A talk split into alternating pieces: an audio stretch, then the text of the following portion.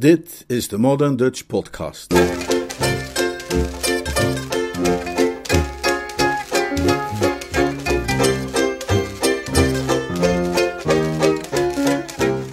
Een vriendinnetje voor Lord Emsworth.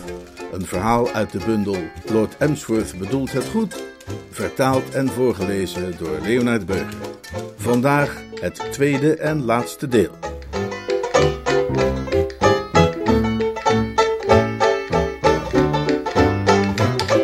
Korte inhoud van het voorafgaande. Ondanks het prachtige weer voelt Lord Emsworth zich ellendig.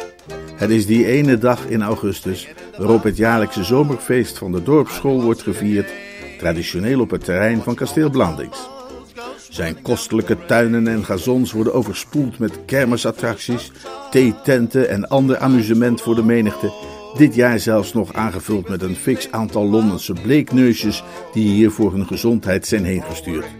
Bovendien is Lord Emsworth's Schotse oppertuinman Angus McAllister weer begonnen te zeuren over zijn droomproject. Een grindpad door Blandings beroemde Taxislaan, waar Lord Emsworth nu juist zo dol is op het verend mostapijt dat daar ligt. Ook zijn zuster Constance lijkt een voorstander van het gehate grindpad. Dat zijn dus twee dominante persoonlijkheden die de zielenrust van de oude graaf bedreigen. Tijdens een bezoekje aan het dorp om de tuintjes van de dorpelingen te jureren, wordt Lord Emsworth angst aangejaagd door een grote hond, maar hij wordt gered door een van de bleekneusjes, een klein meisje genaamd Gladys. Ze kletsen samen wat en Lord Emsworth is diep onder de indruk wanneer ze hem vertelt dat ze McAllister een steen tegen zijn scheenbeen heeft gegooid toen hij haar in de kraag wilde grijpen, omdat ze bloemen wilde plukken in de tuin van het kasteel. Lady Constance wil inmiddels de arme Lord Emsworth dwingen sociaal te doen op het schoolfeest, een toespraak te houden en zich te kleden in een keurig pak met stijve boord en hoge hoed.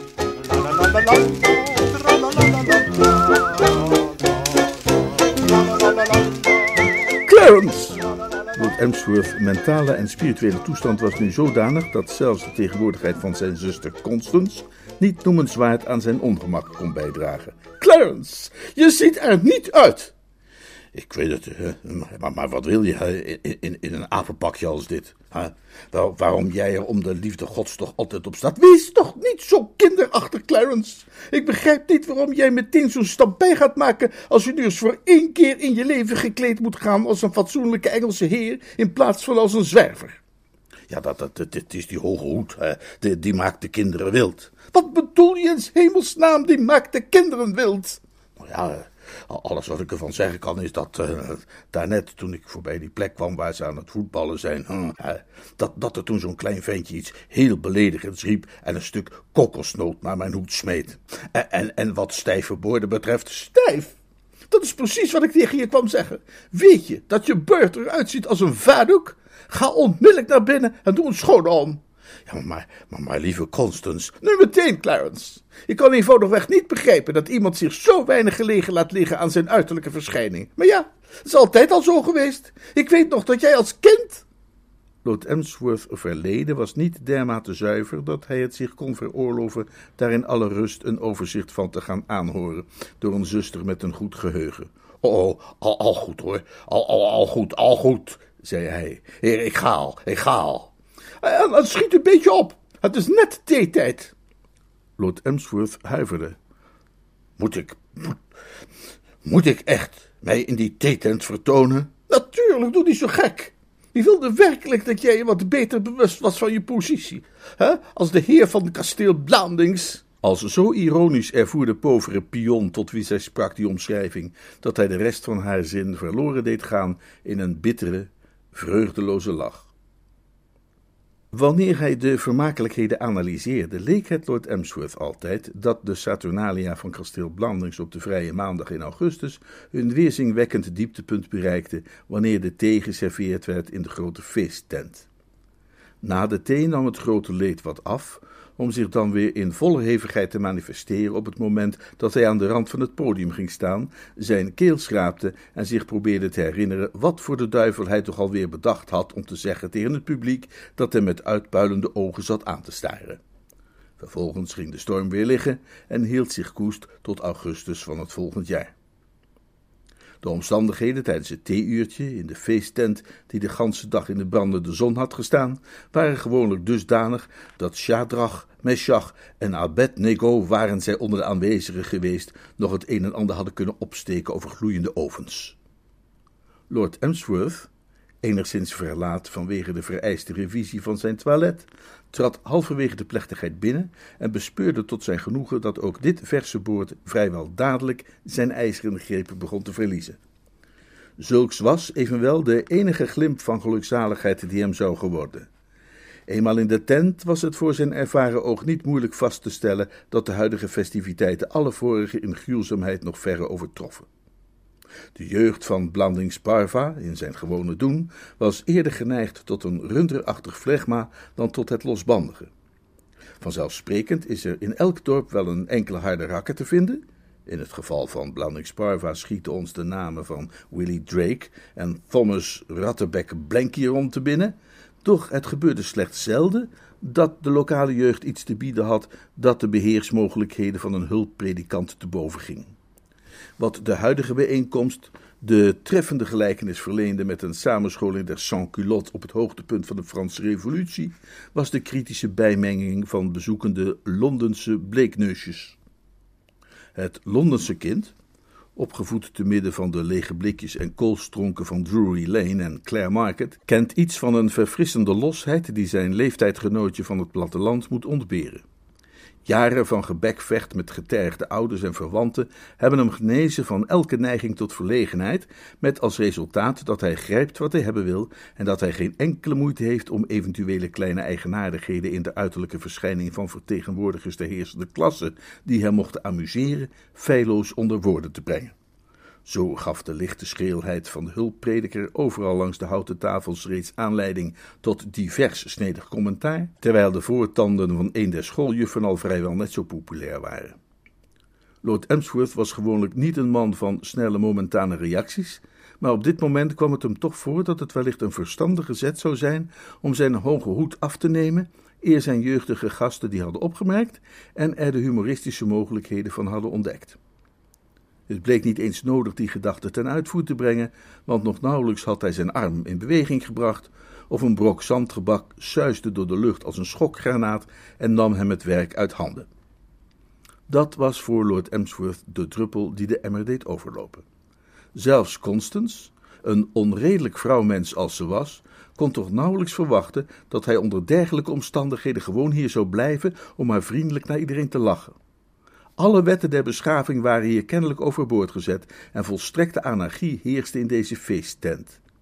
De hulppredikant deed zijn best om een tijdelijke regering te vormen, bestaande uit hemzelf en de beide schooljuffen, maar het was duidelijk dat slechts één man deze situatie adequaat naar zijn hand had kunnen zetten, en dat was Herodes de Grote, die helaas niet tot de aanwezigen behoorde. Lord Emsworth bewoog zich onopvallend in de richting van de uitgang en vertrok. Hij voelde zich als een aristocraat van het ancien régime die zojuist aan de schandwagen naar het schavot heeft weten te ontglippen. Buiten de tent was de wereld al een stuk rustiger, maar toch nog betrekkelijk. Waar Lord Emsworth naar hunkerde, was de volstrekte eenzaamheid. Op heel zijn uitgestrekte terrein leek er nu nog maar één plekje over waar die te vinden was. Dat was de schuur met het rode pannendak naast een waterpoel, die in gelukkige tijden in gebruik was als rustvertrek of ontspanningsruimte voor het vee. Daar haastte Lord Emsworth zich heen en juist ademde hij gelukzalig de koele, schemerige en sterk naar koe geurende atmosfeer in van die ruimte, toen uit een van de donkere hoeken het geluid van een onderdrukte snik hem op zijn tong deed bijten van schrik. Hij draaide zich om. Dit was je reinste vervolging met een heel park om in rond te hangen, waarom zou zo'n vervloekt kind dan tot in deze uiterste wijkplaats willen doordringen? Hij verhief zijn stem in bittere woede. Hij stamde uit een geslacht van dappere krijgslieden en zijn vechtlust was geprikkeld. wie is daar? Ik, meneer. Dank u wel, meneer. Lord Emsworth kende maar één persoon die in staat was dankbaar te zijn op zulk een barse toon te worden afgeblaft. Zijn woede bekoelde en maakte plaats voor spijt. Hij voelde zich als iemand die per ongeluk zijn lievelingshond een schop heeft gegeven. Oh, lieve God zeg, riep hij uit. Wat, wat, wat, doe jij eens hemelsnaam hier in die, in die koeienstal? Alsjeblieft, meneer. Ik ben hier ingestopt.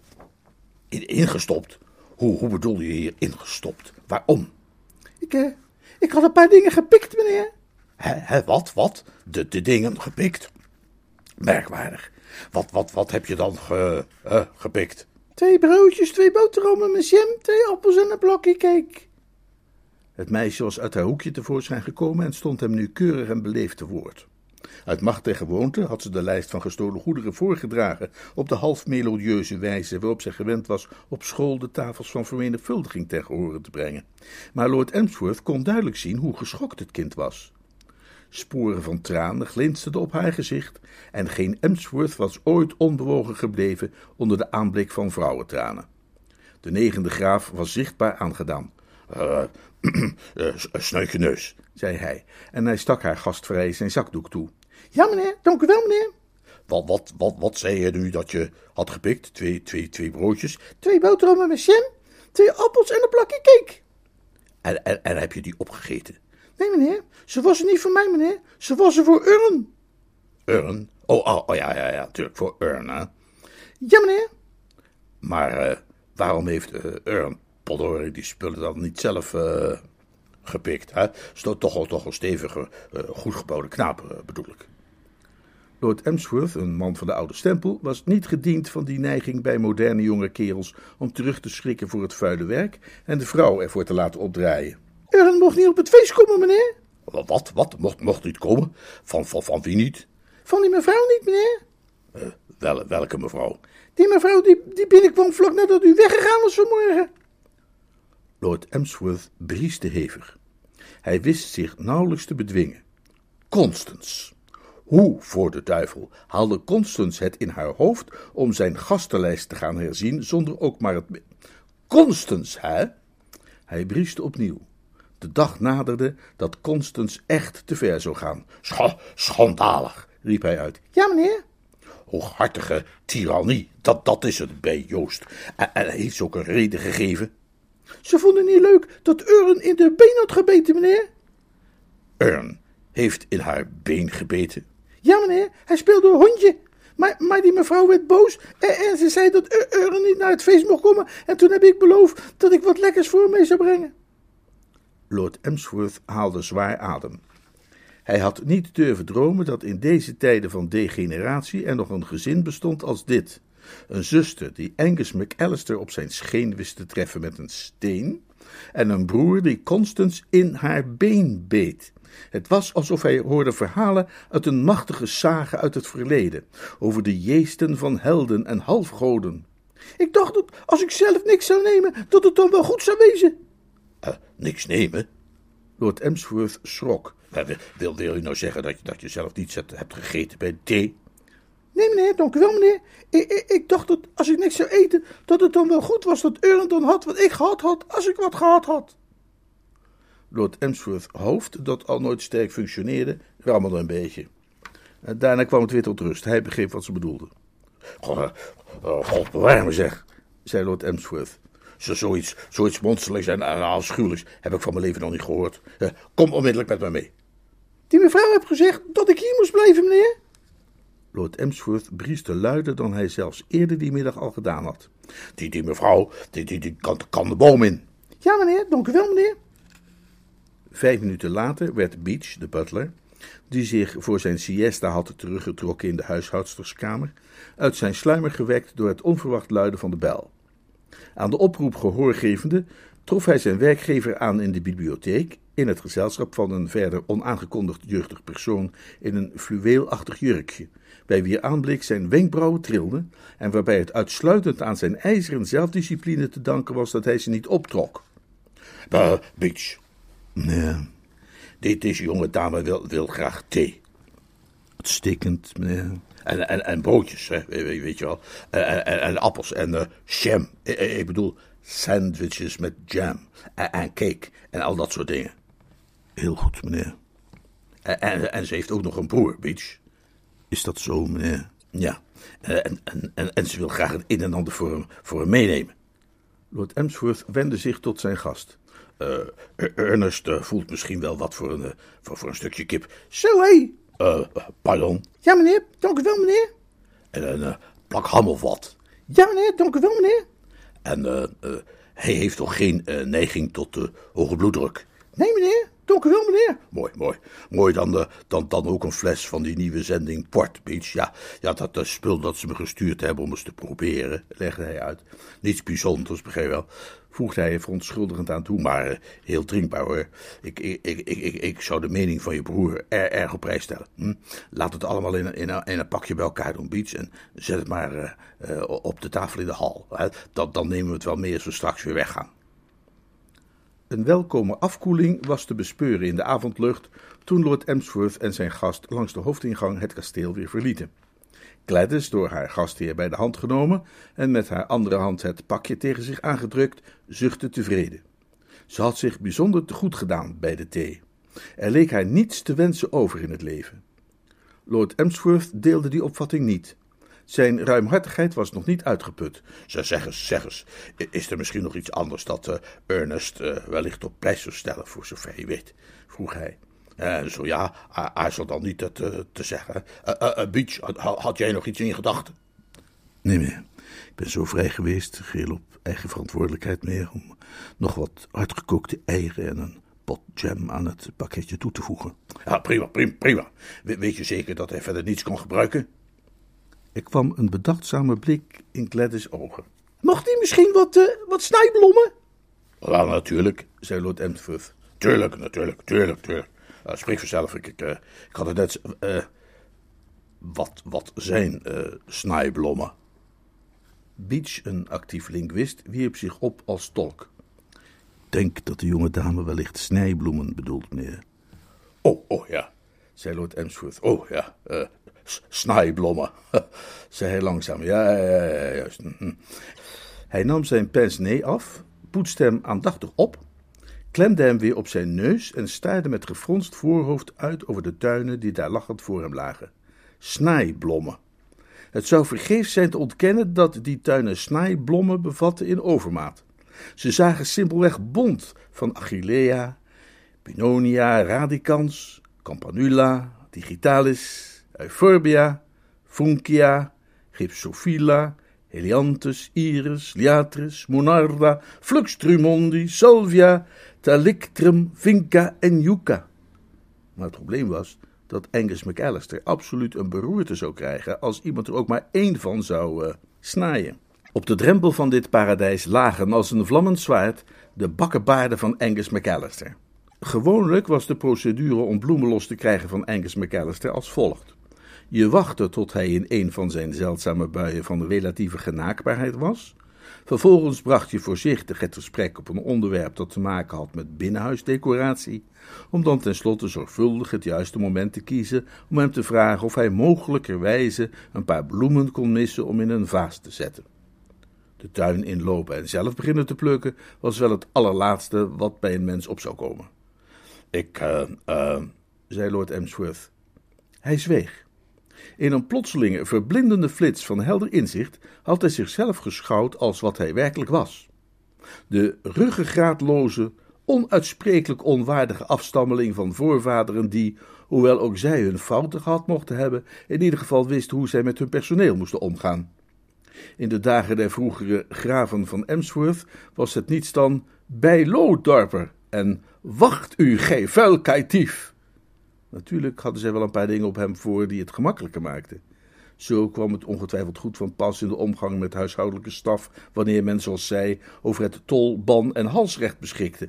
Hetgeen er grofweg op neerkwam dat je bij misnoegen over je oppertuinman de man ter plekke met een strijdbijl kon opdelen in vier oppertuinlieden, zonder dat er verder iemand woorden aan vuil maakte. Desondanks echter besefte hij, zaten die stamvaderen beter in elkaar dan hij, en was hij het niet waard hun laatste afstammeling te zijn wanneer hij een lafhartige vrees voor Angus McAllister liet verhinderen dat dit verrukkelijke meisje en haar allercharmantste broer zoveel bloemen kregen als ze maar verlangden. Lord Emsworth overwon zijn huiveringen. tuurlijk, tuurlijk, natuurlijk, natuurlijk, zei hij, ofschoon niet zonder even een korte angstige misselijkheid te voelen opkomen. Uh, pluk er maar zoveel als je wilt. En zo kwam het dat even later Angus McAllister in zijn opbergschuurtje weggescholen als een groot roofdier op zijn loerplaats, iets waarnam dat hem eerst het bloed deed stollen, om het vervolgens in zijn aderen aan de kook te brengen. Een kind in een fluwelen jurkje dartelde vrijelijk door zijn heilige tuin en plukte links en rechts van zijn heilige bloemen. En wat de beroerte nog een stap dichterbij bracht, het was hetzelfde kind dat hem twee dagen eerder een steen tegen zijn schenen had gegooid. De stilte van de zomeravond werd verscheurd door een brul die klonk als het geluid van een reeks ontploffende stoomketels en Angus McAllister kwam uit het bergschuurtje tevoorschijn met een snelheid van 45 mijl per uur.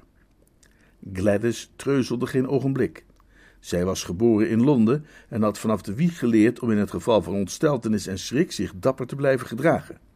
Maar deze ontsteltenis had zich zo plotseling voorgedaan dat haar moed het een ogenblik begaf. Met een korte kreet van afschuw maakte zij zich uit de voeten in de richting van Lord Emsworth. Eilings verschool zij zich achter zijn rug en klemde zich vast aan de panden van zijn jaket. Sue! zei Gladys. Lord Emsworth voelde zichzelf ook niet zo heel stevig in zijn schoenen staan op dat moment. Wij hebben hem enkele ogenblikken hiervoor afgebeeld als geïnspireerd door de adeldom van zijn voorvaderen en met een feitelijk McAllister kan wel wat op de lippen, maar de waarheid dwingt ons nu toe te geven dat zijn krachtige houding grotendeels samenhing met het feit dat hij de oppertuinman veilig een kwart mijl verderop waande, tussen de schommels en draaimolens van het zomerfeest. De aanblik van de wraaklustige schot, zoals ze met fonkelend oog en wapperende bakkenbaarden op hem afstormde, maakte dat hij zich voelde als een nerveuze Engelse infanterist bij de slag van Bannockburn. Maar toen gebeurde er iets waardoor de situatie plotseling een heel ander perspectief kreeg. Het was op zichzelf maar een kleinigheid, maar het had een verbazingwekkend stimulerend effect op Lord Emsworth moreel. Wat er gebeurde was dat Gladys, op zoek naar verdere bescherming, op dat moment een klein warm handje in de zijne liet glijden. Het was een stilzwijgend teken van vertrouwen dat Lord Emsworth zich waardig wilde tonen. Daar komt hij aan, fluisterde Lord Emsworth minderwaardigheidscomplex opgewonden in zijn oor. En wat dan nog? Antwoordde Lord Emsworth stoutmoedig. Spuug hem op zijn vestje, prevelde zijn voorvader hem in het andere oor. Ah, laat dat maar aan mij over, antwoordde Lord Emsworth. Hij rechte de rug en drukte zijn pince steviger vast. Hij voelde zich vervuld worden van ijskoud gezag. Als de man zijn ontslag wilde indienen, liet hem dan zijn verdomde ontslag indienen. Wel, McAllister, vroeg Lord Emsworth koeltjes. Hij nam zijn hoge hoed af en begon die op te wrijven langs zijn mouw. Is er iets, McAllister? Hij zette de hoge hoed weer terug op zijn hoofd. Je lijkt me wat opgewonden, McAllister. Hij gaf een korte, militante ruk met het hoofd. De hoge hoed viel af. Hij liet hem liggen. Bevrijd van die ergerlijke last voelde hij zich sterker en gezagrijker dan ooit. Het was precies wat hij nodig had om hem in mentale topconditie te brengen. Deze jonge dame, zei Lord Emsworth, heeft mijn volledige toestemming om alle bloemen te plukken die ze wil, McAllister. Mocht jij je daar niet in kunnen vinden, McAllister, dan zeg je dat maar, dan zullen wij ons eens afvragen wat jij daaraan kunt doen, McAllister. Deze tuinen, McAllister, zijn mijn eigendom. En wanneer jij daar uh, problemen mee hebt, dan zul je ongetwijfeld elders een werkgever kunnen vinden met gezichtspunten die meer uh, met, met de overeenstemmen. Ik stel je diensten op hoge prijs, McAllister. Maar ik laat mij in mijn eigen tuin niet de wet voorschrijven, McAllister. Ah, ah, potverdorie met welke toevoeging hij het hele effect nogal bedierf. Er volgde een lang moment waarin de gehele natuur stilstond en haar adem inhield. De Achillea stond stil, evenals de Binonia radicans en de Campanula, de Digitalis, de Euphorbia, de Funkia, de Gypsophila, de Helianthus, de Iris, de Liatris, de Monarda, de Flux drumondi, de Salvia, de Talectrum, de Vinca en de Yucca. In de verte, uit de richting van het park, klonken de vrolijke kreten van kinderen die vermoedelijk dingen aan het stuk maken waren, maar zelfs die leken gedempt. De avondbries was gaan liggen. Angus McAllister bleef woedend zwijgen. Hij verkeerde in volkomen verbijsterde toestand, als wie het eerst kwam om te malen maar de molenwiek tegen zijn hoofd kreeg. Hij had nooit kunnen bedenken dat zijn werkgever nog eens geheel uit zichzelf zou opperen dat hij misschien maar eens naar ander werk uit moest zien. Doch nu hij het geopperd had, stond dat idee Angus McAllister allerminst aan. Kasteel Blandings zat hem in het bloed. Hij was ermee vergroeid. Ergens anders zou hij zich een balling voelen. Hij frunnikte aan zijn bakkenbaarden, maar ze schonken hem geen troost. Hij nam een besluit. Liever niet langer een Napoleon dan een Napoleon in ballingschap. zei Angus McAllister. Oh, en, en, nu ik je toch even spreek, McAllister, zei Lord Emsworth. Die kwestie van dat grindpad door de taxislaan. Ik, ik heb erover nagedacht en daar komt niets van in. onder geen enkele voorwaarde. Mijn prachtige mos verminken met zo'n gruwelijk grindpad. Hè? Een van, de, mooiste plekjes in een van de fraaiste en oudste tuinen van heel het Verenigd Koninkrijk veranderen in iets wat pijn moet doen aan de ogen? Helemaal niet. Absoluut niet. Probeer toch eens te onthouden, McAllister, bij je werk in de tuinen van kasteel Blandings, dat je geen plantsoentjes meer aan het aanleggen bent in Glasgow. Hè? Hm. Dat was alles, McAllister. Dat, dat, dat was, Pollory, uh, alles. Hm, zei Angus McAllister. Hij draaide zich om en liep weg. Het bergschuurtje nam hem op. De natuur ademde uit. De wind begon weer te blazen. En overal in de tuinen van kasteel Blandings pakten de vogels hun lied weer op bij de hoge noot waarop ze het gestaakt hadden. Lord Emsworth haalde zijn zakdoek tevoorschijn en depte zijn voorhoofd. Hij was nog steeds geschokt, maar ook had een geheel nieuw gevoel van mannelijkheid zich van hem meester gemaakt. Je mocht het misschien overmoed noemen, maar hij wenste bijna, ja, Poddori, hij wenste bijna dat zijn zuster Constance voorbij zou komen en weer over iets vervelends zou beginnen terwijl hij zich zo voelde. Zijn wens werd vervuld. Clarence! Ja, daar was ze. Met grote passen kwam ze op hem af langs het tuinpad. Precies als McAllister leek ze hem wat opgewonden. Er zat haar iets dwars. Clarence! Roep, roep toch niet de hele tijd Clarence. Je lijkt verdorie wel een papegaai, zei Lord Emsworth uit de hoogte. Wat is er in godsnaam aan de hand, Constance? Aan de hand? Weet jij wel hoe laat het is? Weet jij wel dat iedereen daar ginds op je zit te wachten tot jij je toespraakje komt houden? Lord Emsworth beantwoordde haar blik vastberaden. Nee, dat weet ik niet, zei hij. En dat kan me niet schelen ook. Ik ben niet van plan om wat voor toespraak je dan ook te houden. Als je een toespraak wilt, dan vraag je de dominee maar. Of, of je houdt er zelf een. Toespraak. Zulke flauwekul heb ik van mijn leven nog niet gehoord. Hij wendde zich tot Gladys. Nou, kindje, zei hij. Als je me nu eens vijf minuten geeft om dit verdomde pak uit te doen met die duivelse boord, dan, dan, dan trek ik iets menselijks aan. En dan lopen we straks samen even naar het dorp om, om een praatje te maken met Ern.